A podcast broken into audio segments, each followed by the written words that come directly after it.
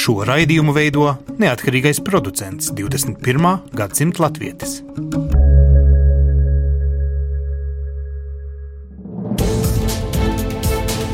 Septiņas dienas Eiropā piedāvā Eiropas radiotīkls Eironet.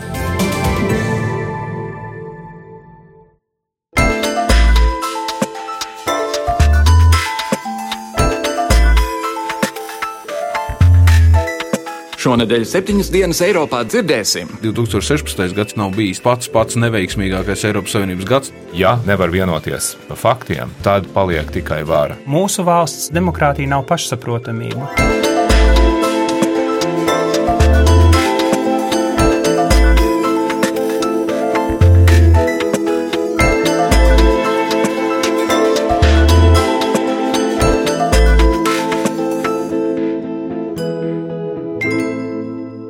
Labdien, darbie klausītāji! Esiet sveicināti jaunajā gadā un jaunākajā septiņas dienas Eiropā.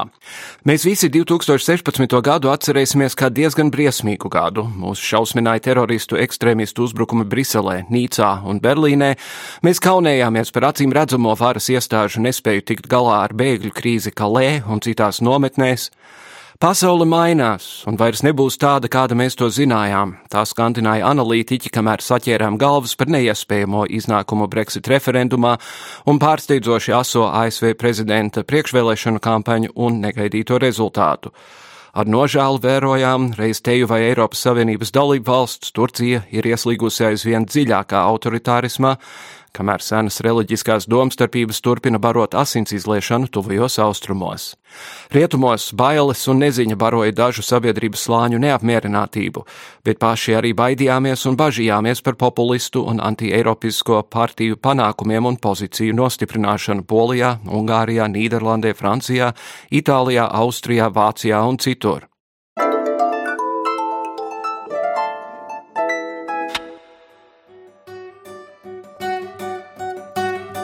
2016. gada beigas ar nepacietību gaidīja daudzi pasaules iedzīvotāji, jo nu jau aizgājušais gads reti kur atstājas bez īpašiem satricinājumiem. Sākot ar iemīļotu mūziķu, aktieru un zinātnieku aiziešanu viņu saulē, turpinot ar teroraktiem un zikas vīrusu izplatību un beidzot ar politiskajām zemestrīcēm, Brexit un Donalda Trumpa ievēlēšanu. Pagājušo gadu interneta pasaulē daudz dēvē par visu laiku sliktāko gadu, par mulsinošo gadu un tā tālāk, un tam nav grūti atrast diezgan vienkāršu skaidrojumu. Proti, kā raidorganizācijai NPR norāda Džordža Vašingtona Universitātes profesora Nikija Ašera, iemesls, kāpēc pagājušais gads liekas sliktāks par citiem, ir sociālie mediji. Nu jau aptuveni 2,2 miljardi cilvēku ir pieslēgti sociālajiem medijiem teju 24 stundas diennaktī, un tur visu laiku redz kaut kāda veida ziņas. Kārtējā sēru vēsts, uzbrukums, sašķeltā Eiropa, sašķeltā ASV. Profesora Ašera norāda, ka visas šīs ziņas, pat ja tās nav tieši saistītas ar mums, mūs ietekmē, jo mums par šiem visbiežāk nepatīkamajiem notikumiem konstanti atgādina. Starp citu, jautājums, vai 2016. gads būs visu laiku drāmīgākais gads, aktuāls ir jau kopš vasaras, jeb īsi pēc tam, kad Briti nolēma šķirties no Eiropas Savienības un teroraktiem Orlando un Nīcā. Sakaitētajām emocijām pievienojot papildus stimulus, karu Sīrijā un, cilu, un civiliedzīvotāju ciešanas Alepo, policijas vardarbību ASV un tā tālāk un tā joprojām, šis jautājums nemaz nešķiet muļķīgs, un brīžiem tiešām liekas, ka pasaule ir sajukus prātā un agrāk vecajās labajās dienās dienās, tā taču nemaz nebija. Arī šeit pie vainas ir psiholoģija, jo cilvēkiem ir tendence nepamanīt labās lietas, bet izcelt sliktās. Un tas attiecas arī uz medijiem, jo mēs biežāk izceļam sliktus, nevis labus notikumus, un virsrakstu laikmetā tas var kļūt bīstami. Ja vienā dienā notiks terorakts un lidmašīnas avārija, diez vai lielākā daļa klausītāju, skatītāju vai lasītāju pamanīs blakus daudz mazāku ziņu par to, ka ir uzlabojusies vides aizsardzības politika pasaules līmenī, vai ka nekad vēl pasaulē nav bijis tik mazs skaits cilvēku, kas dzīvo ekstrēmā nabadzībā.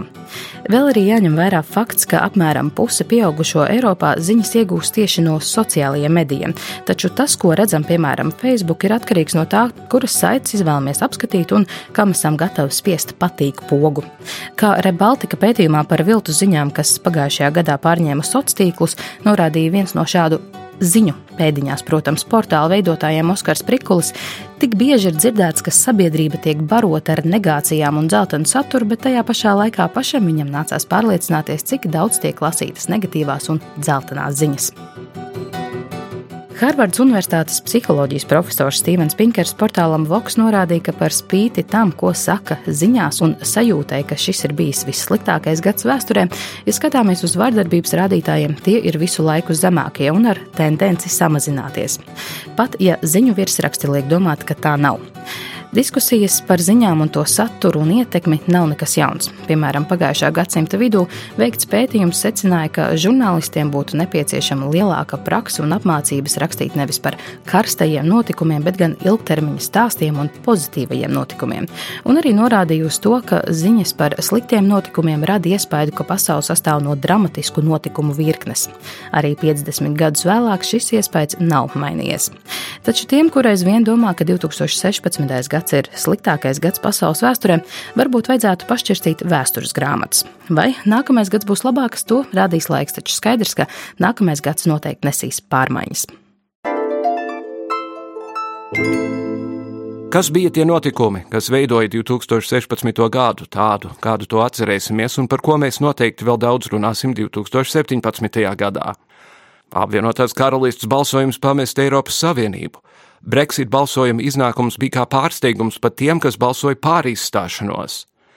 Vēlēšanas nākamgad Itālijā, Francijā un Vācijā, vai mēs tās pieskaitīsim pie augošā populisma viļņu uzvarām vai tomēr pie sakāvēm, kā šīs vēlēšanas ietekmēs Eiropas Savienības turpmāko likteni?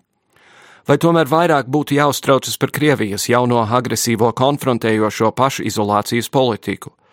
Par spīti ekonomiskajām sankcijām, krītošām naftas cenām un ekonomiskās lejupslīdes, Putins uz starptautiskās skatuves ir sācis rīkoties uzstājīgāk un bravūrīgāk.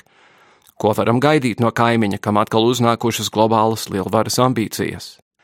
Tikmēr Sīrijā Asada valdības spēki ar Krievijas un Irānas militāro palīdzību guvuši panākumus uz kaujas lauka, Tomēr pēc Lepo ielenkšanas un neatlaidīgas bombardēšanas šķiet pasaulē beidzot atvērās acis, un aizvien skaļāki kļuva saucieni par ātrāku konflikta risinājumu.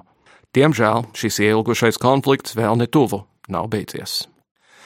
Daudzi bija un vēl aizvien ir šokā par to, ka amerikāņi izvēlējās Donaldu Trumpu par savu nākamo prezidentu. Ja gribam spriest par to, kādas izmaiņas gaidāmas ASV ārpolitikā, no Trumpa kampaņas laikā runātā un dažiem neveiksmīgiem zvaniem un Twitter ierakstiem kādu nogalē, tad īsti labi neko nevaram gaidīt. Kāds izskatīsies Eiropas tuvākais sabiedrotais pēc prezidenta biznesa haizivs inaugurācijas šo mēnesi?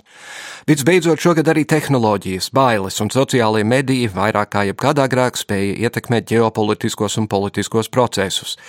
Daudz viet pasaulē populistiskie spēki baiļu vadīti sacēlās pret pastāvošo iekārtu un globalizāciju, bet tikmēr svešu valdību sponsorēti kiberuzbrukumi, internetu troļļi un viltus ziņas sociālos tīklos spēja izšķirt vēlēšanu iznākumus un varas maiņas.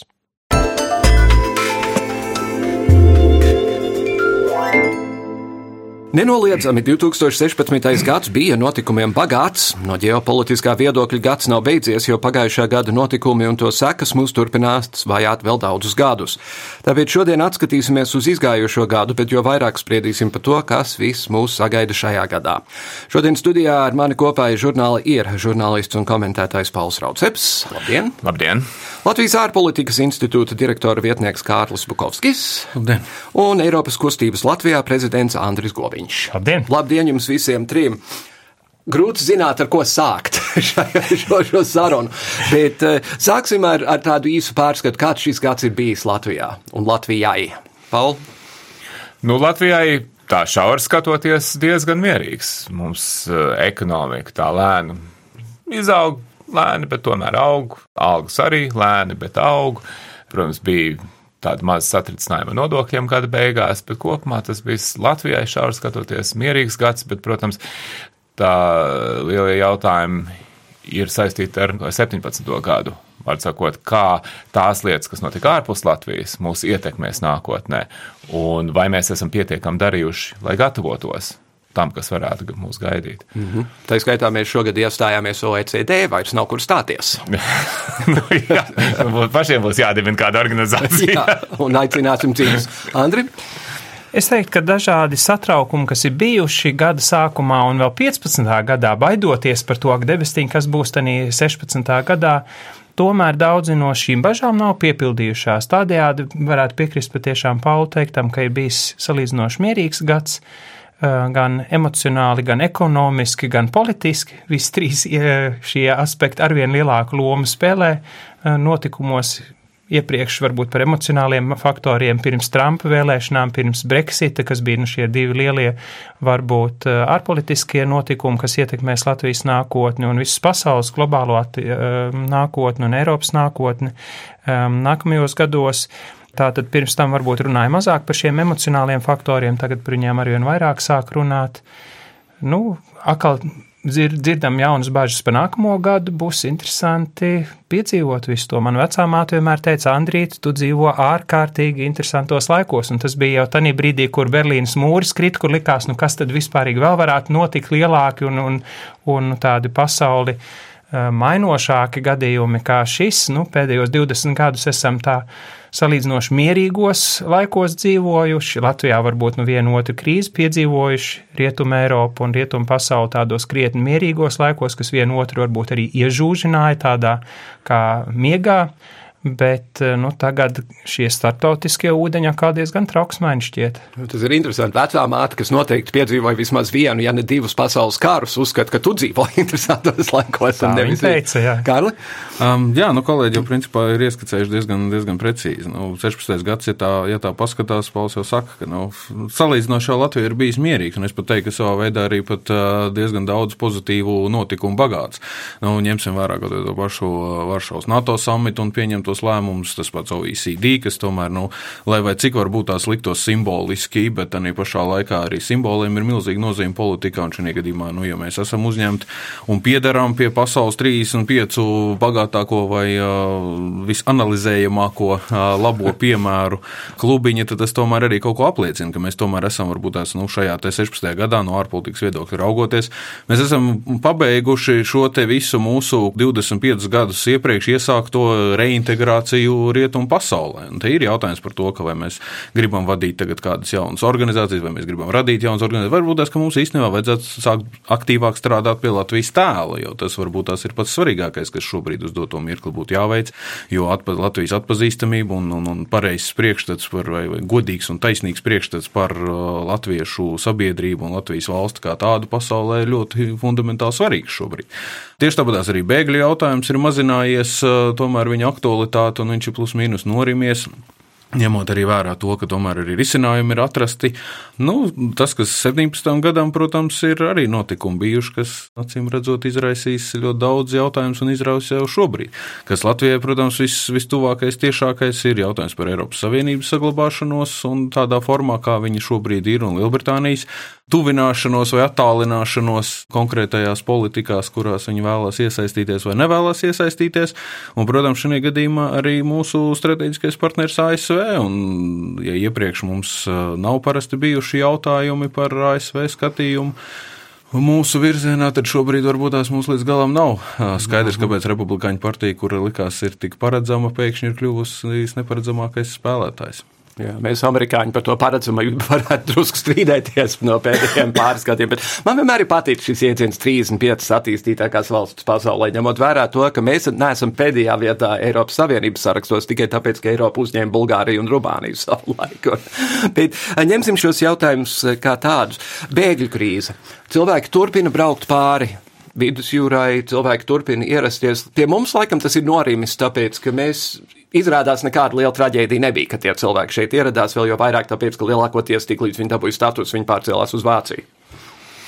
Nu, man, manuprāt, tas nav īsti labi, kad viņi atbrauc šeit, saprot, ka pēc būtības tā sistēma, ko Latvija ir radījusi, nedod viņiem iespējas šeit reāli uzsākt dzīvi.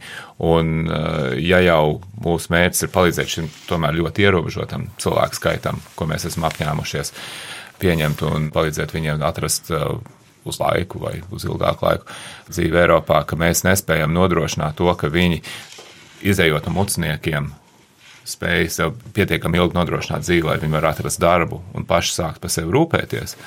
Tas tomēr no valsts viedokļa, man liekas, ir kā un traips, kas būtu jālabo.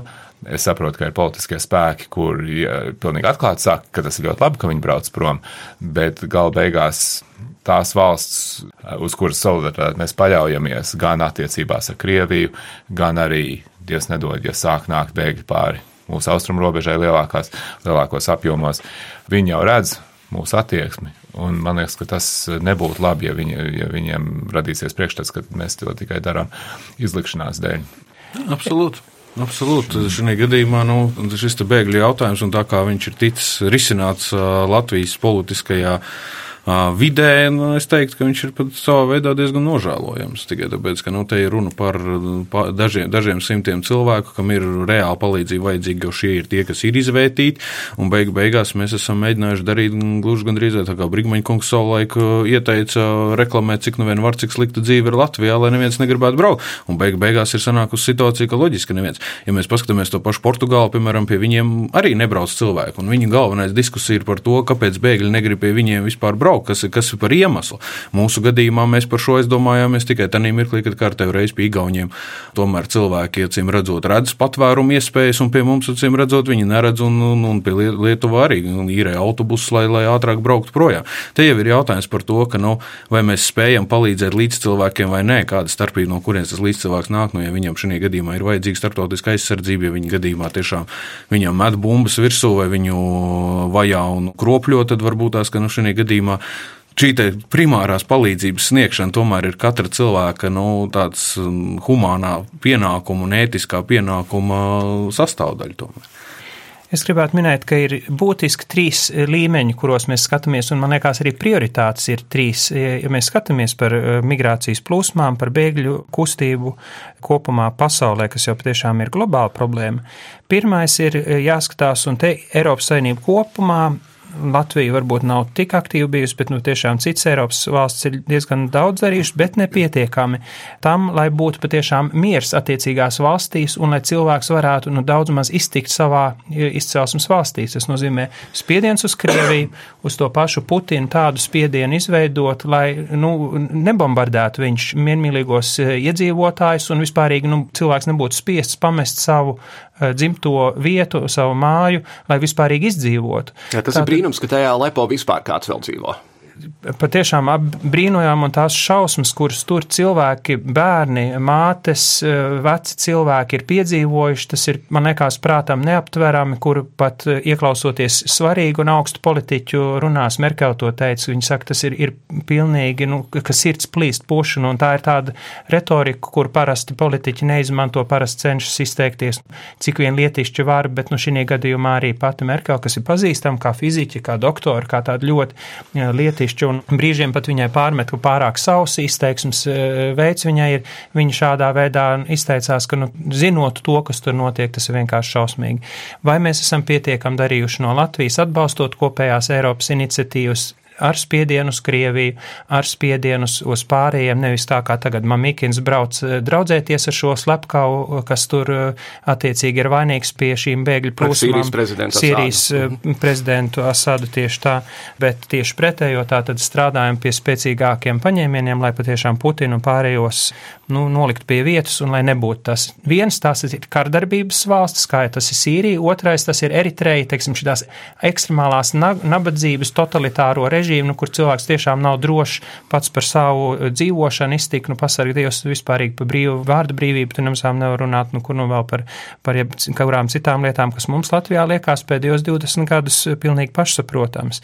Tātad tur vēl vajadzētu pastiprināt uzmanību, pievērst, nu, ar to, lēn, to lēnām strādā, bet drusku pārāk lēnām. Pirmā prioritāte tātad darbs uz vietas, otrā prioritāte, ko mēs varam darīt, un te Eiropas saimnība bijusi ļoti aktīva, arī dažādas dalību valsts, ko mēs varam darīt kaimiņu valstīs, kas ir nu, tās valstis, kurās nu, tas bēglis pa priekšu ierodās, vai tas, tas patvērumu meklētājs, kas ir Turcija, kas ir arī Āfrikā attiecīgās valstis, kurās nu, ir miers, cik lielā mērā mēs pildam savus uzdevumus ar dažādiem gan finansiāliem, gan politiskiem atbalsta pasākumiem, palīdzām šīm valstīm, lai viņas var uzņemt tos bēgļus.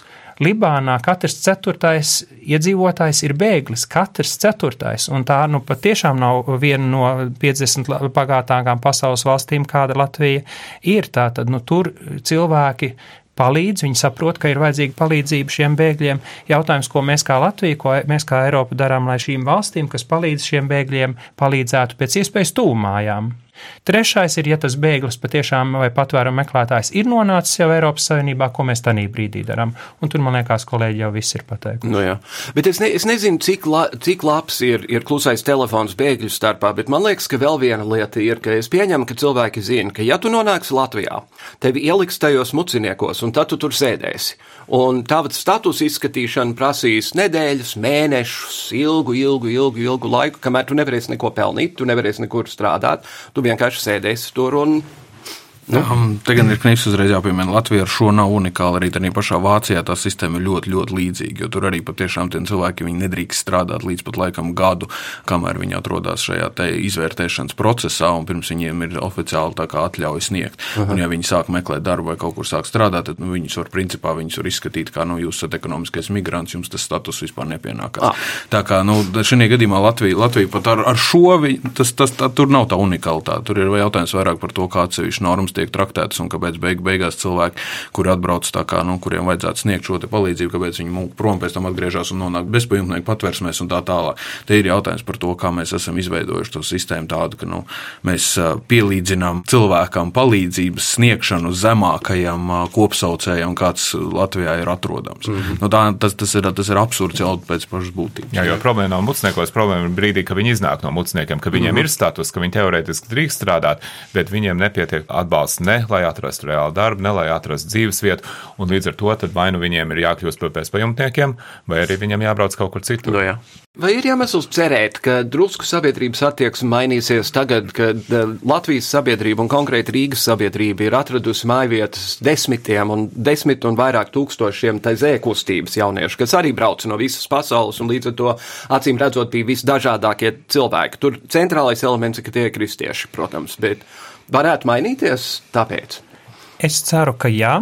Un man liekas, ka te zē jauniešu viesošanās, un tieši tas, ka šie jaunieši viesojas ģimenēs un tiek uzņemta lielākā daļa no, no šiem jauniešiem ir ģimenēs, tas lauzīs vienu otru stereotipu, vienu otru baili varbūt mazinās, kas eh, mums Latvijā ir tie, kas uzņem šos jauniešus, bieži paši ir nu, vai draudzes locekļi, kas līdz šim, kā nu kurš viens otrs varbūt pat eh, nav bijis tik tiešā saskarsmē ar citu tautību iedzīvotājiem, un tad dzirdot, droši vien jau arī gribot vai negribot, sarunas būs par dažādām lietām, ne tikai par ticības jautājumiem, arī par globālo politiku par bēgļu jautājumiem runās, iepazīsies mūsu pašu Latvijas cilvēki tieši ar šiem tezē jauniešiem un sapratīs, ka tie ir cilvēki tāpat kā mēs.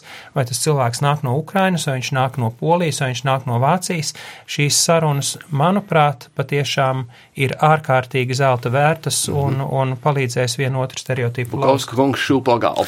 Mm, jā, Andri, es absolūti piekrītu par to, ka jā, tas būs ļoti labi, ka cilvēki miedarbosies un iepazīs viens otru un vispārējais, bet man bail ka tā sabiedrības daļa, tā Latvijas sabiedrības daļa, kas iepazīst šos cilvēkus, jau ir tāpatās tā sabiedrības daļa, kas ir bijusi atvērta pasaulē, tā teikt. Ka te runa par to, ka nu, šobrīd ir pārbāzts sabiedriskie transporti un Latvijas ļoti daudz iedzīvotāju un neatkarīgi no etniskās piedarības viensētas sindroms izpaužās diezgan, diezgan aktīvi. Viņi īsti nesaprot, kas runā, kādā valodā runā un tā tālāk. Viņiem tas liekas vienkārši tāpat kā bija prezidentūra savu laiku, priekš kam tas viss ir vajadzīgs. Tieši tāpatās arī šīs atkal mums ir kaut kāda ierobežojuma, atkal es ar savu mašīnu nevaru tur izbraukt izbraukt, tāpēc, ka tur ir sastrēgumi, tur ir policija. Īsāk sakot, šis ir ļoti labs tiešām kultūras apmaiņas pasākums, un es ļoti ceru, ka patiešām tas nostrādās tā, ka būs vairāk cilvēku, kas sapratīs.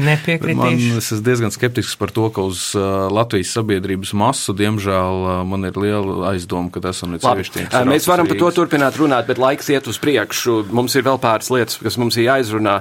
Žurnālists un komentētājs Rauceps, ja nemaldos, iepriekšējā dzīvē bija politologs. Nē, vēstures studējas, nezinu, Birku politologs piekar katru reizi cilvēkam, kad nezinu, kā viņu saukt. Jā, jā, okay. Bet es esmu vēstures. Ko, ko, mēs, ko mēs gaidām pēc 20. janvāra nākamgad Amerikā un pasaulē? Um, nu, tad jau mēs sāksim redzēt, ko faktiski nozīmē Trumpa prezidentūra. Un man liekas, ka iedomāties, ka viņš pats to līdz galam saprot, būtu pārdroši, manuprāt, jo viņš darbojas visu viņa līdzinējā darbošanās, un viņš ir ilgi bijis sabiedrības acī. Viņš jau 80. gada beigās ne tikai bija pazīstams kā nekustamo īpašumu attīstītājs un pārdevējs, bet viņš diezgan aktīvi izteicās par visdažādākiem jautājumiem, gan par kodolieročiem, gan par tirdzniecības līgumiem, gan visu kaut ko citu.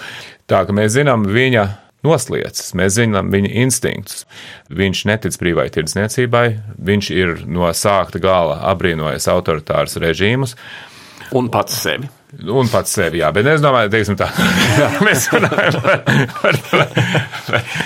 Un uh, viņš arī lielā mērā, un tas jau 80. gadu beigās, viņš nopirka pilnu lapu reklāmas Amerikas lielākos laikrakstos, lai sūdzētos par Japānu, Saudārābiju un citiem Amerikas sabiedrotajiem, ka tie lūk Ameriku izmantojot. Tā ka viņš uzskata, ka daudzas no šīm te attiecībām, aliansēm ir Amerikai nelabvēlīgas vai neizdevīgas. Līdz ar to tās ir viņa noslēdzas, un noteikti mums ir jāreikinās ar to, ka viņš nemainīs savas domas šajā jau cienījamā 70 gadu vecumā. Tajā pašā laikā pretī stāv kongress, kur ļoti daudziem ietekmīgiem cilvēkiem ir pretējas domas. Ir īpaši attiecībā uz NATO jā, un uz NATO, un, un, jā, tieši uz drošības politiku. Jā. Arī ekonomiskā politikā viņam ir cilvēki, kuri ir gatavi uzspridzināt budžetu un sākt tērēt pa labi un pa kreisi, lai apmierinātu viņu vēlētāju lielāko daļu, ja, kas balsoja par to, ka viņi grib atkal apstrādes rūpniecības attīstību Amerikas vidienē. Savukārt Republikāņu partijas kongresmeņi nu, redzēsim, cik stingri viņi būs šajā nostājā, bet katrā ziņā viņi vismaz teorētiski nepiekrist šādai attīstībai. Un uh, ir arī ierēdniecība, un it sevišķi ar drošības saistībā ierēdniecība, kura ļoti skaidri redz, ka Krievija ir aktīvi centusies iejaukties ar kiberuzbrukumiem un citiem veidiem Amerikas politikā. Un ne tikai, jā, arī Eiropā un citur. Un kuriem tas noteikti ļoti nepatīk.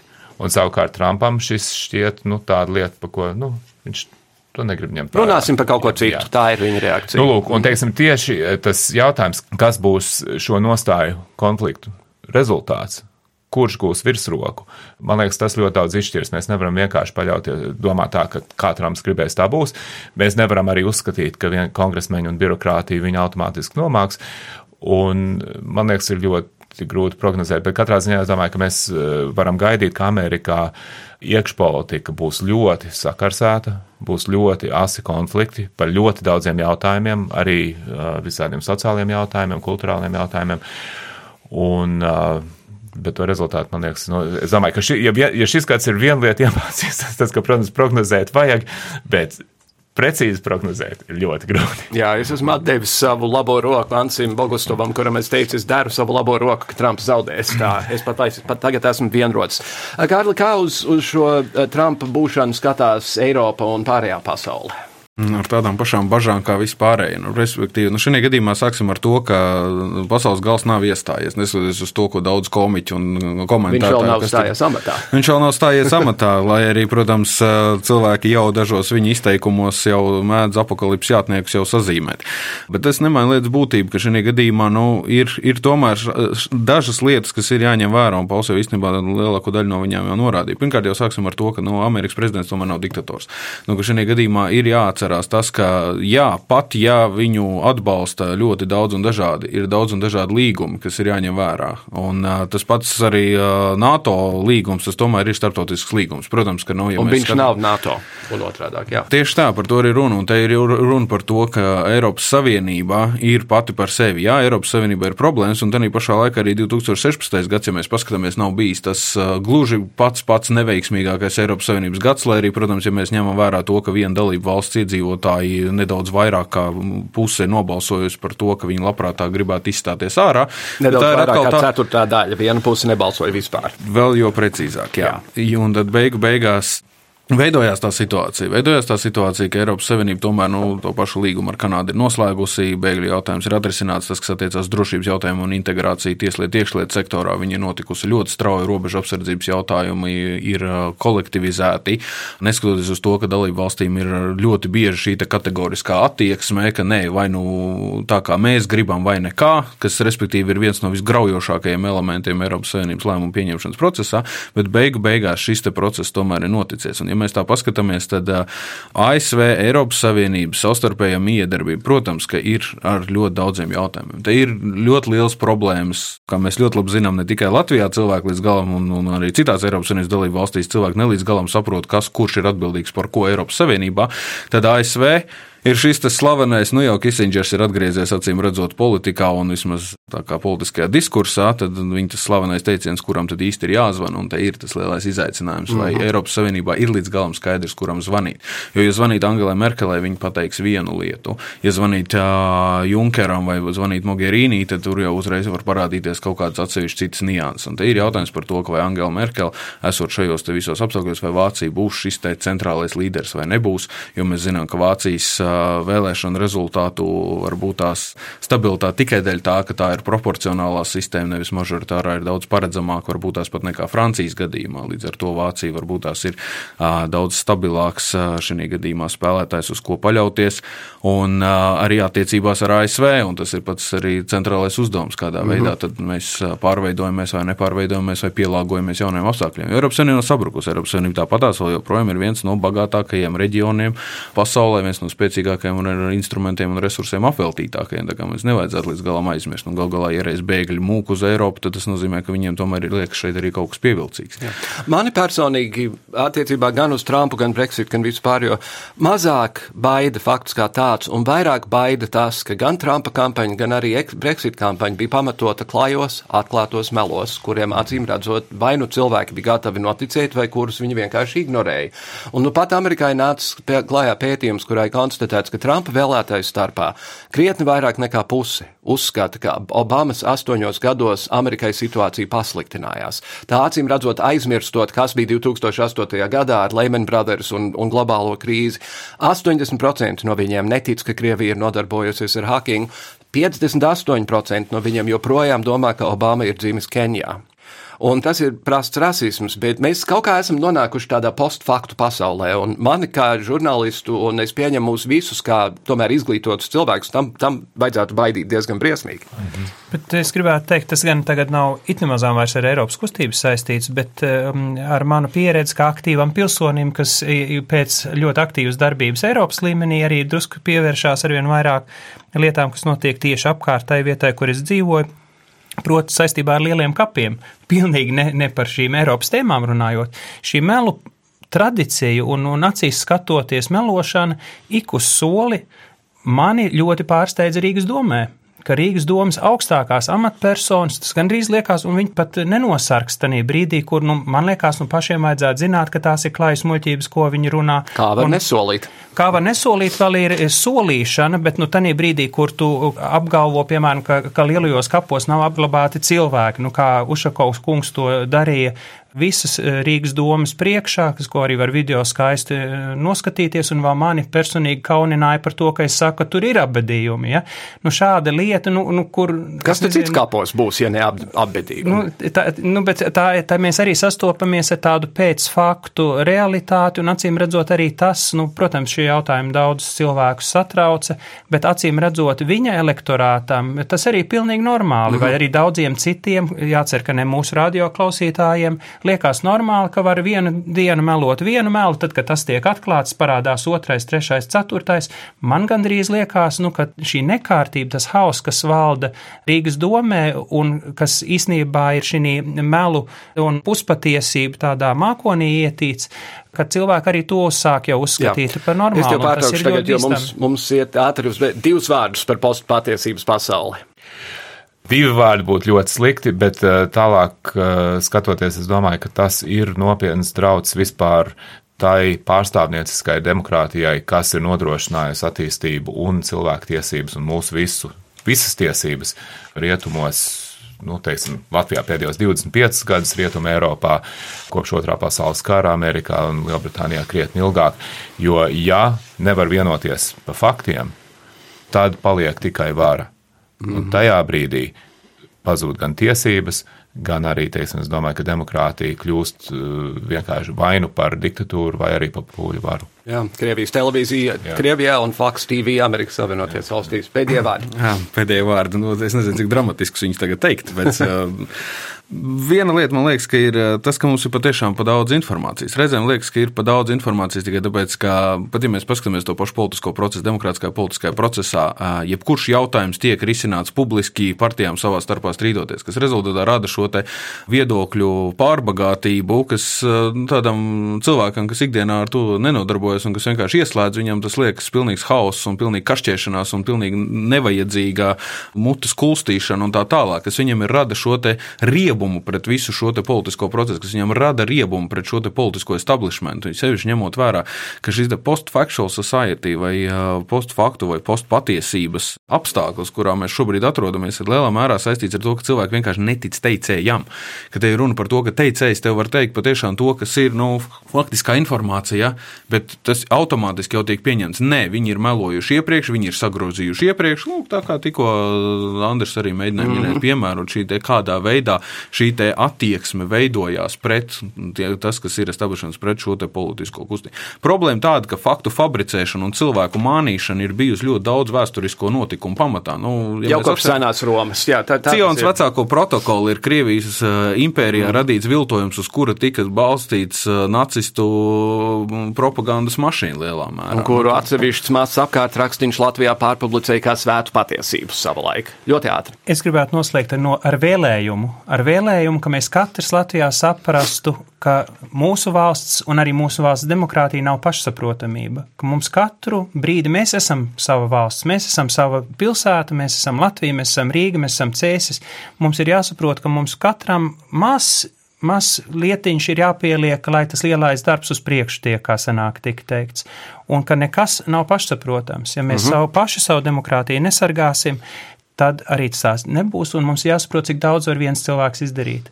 Ja mēs skatāmies brāļu dukuru darbu, divi cilvēki, kas apgāza lielo politisko mašinēriju, sporta miljonus un miljārdus, kas ir iesaistīti. Trīs Viņi, patiesībā tēvs arī. Tēvs arī, paldies uh -huh. viņam arī. Viņi ar savu pilsonisko stāju apgāza visu to, ko nebija miljonu cilvēki spējuši izdarīt. Viņi ar savu stāju to izdarīja. Ja viņi to var, tad viņus pa priekšu, un mēs darām tāpat, katrs tā. savā lauciņā. Un es savukārt no savas puses teikšu, visām negācijām, kādas bija 2006. gadā, Chicago Cubs beisbola komanda uzvarēja čempionātā pirmo reizi 108 gados. Urā! Kārlis Bukovskis, Pauls Rauceps un Andris Globiņš. Paldies jums un eh, laimīgi jums visiem trim jauno gadu! Ar to arī skan šīs nedēļas septiņas dienas Eiropā. Vēlreiz laimīgu, laimīgu jums jauno gadu, un dāmas un kungi. Šis noteikti būs diezgan sarežģīts 2017. gads, bet cerēsim, ka viss būs labi. Visu labu!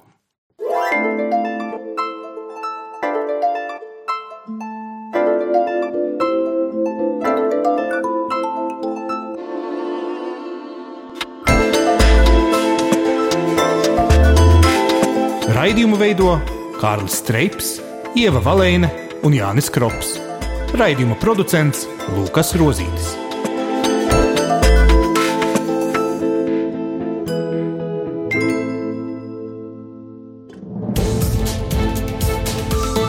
Visus Eironet plus sižetus un raidījumus meklējiet Latvijas radio mājaslapā.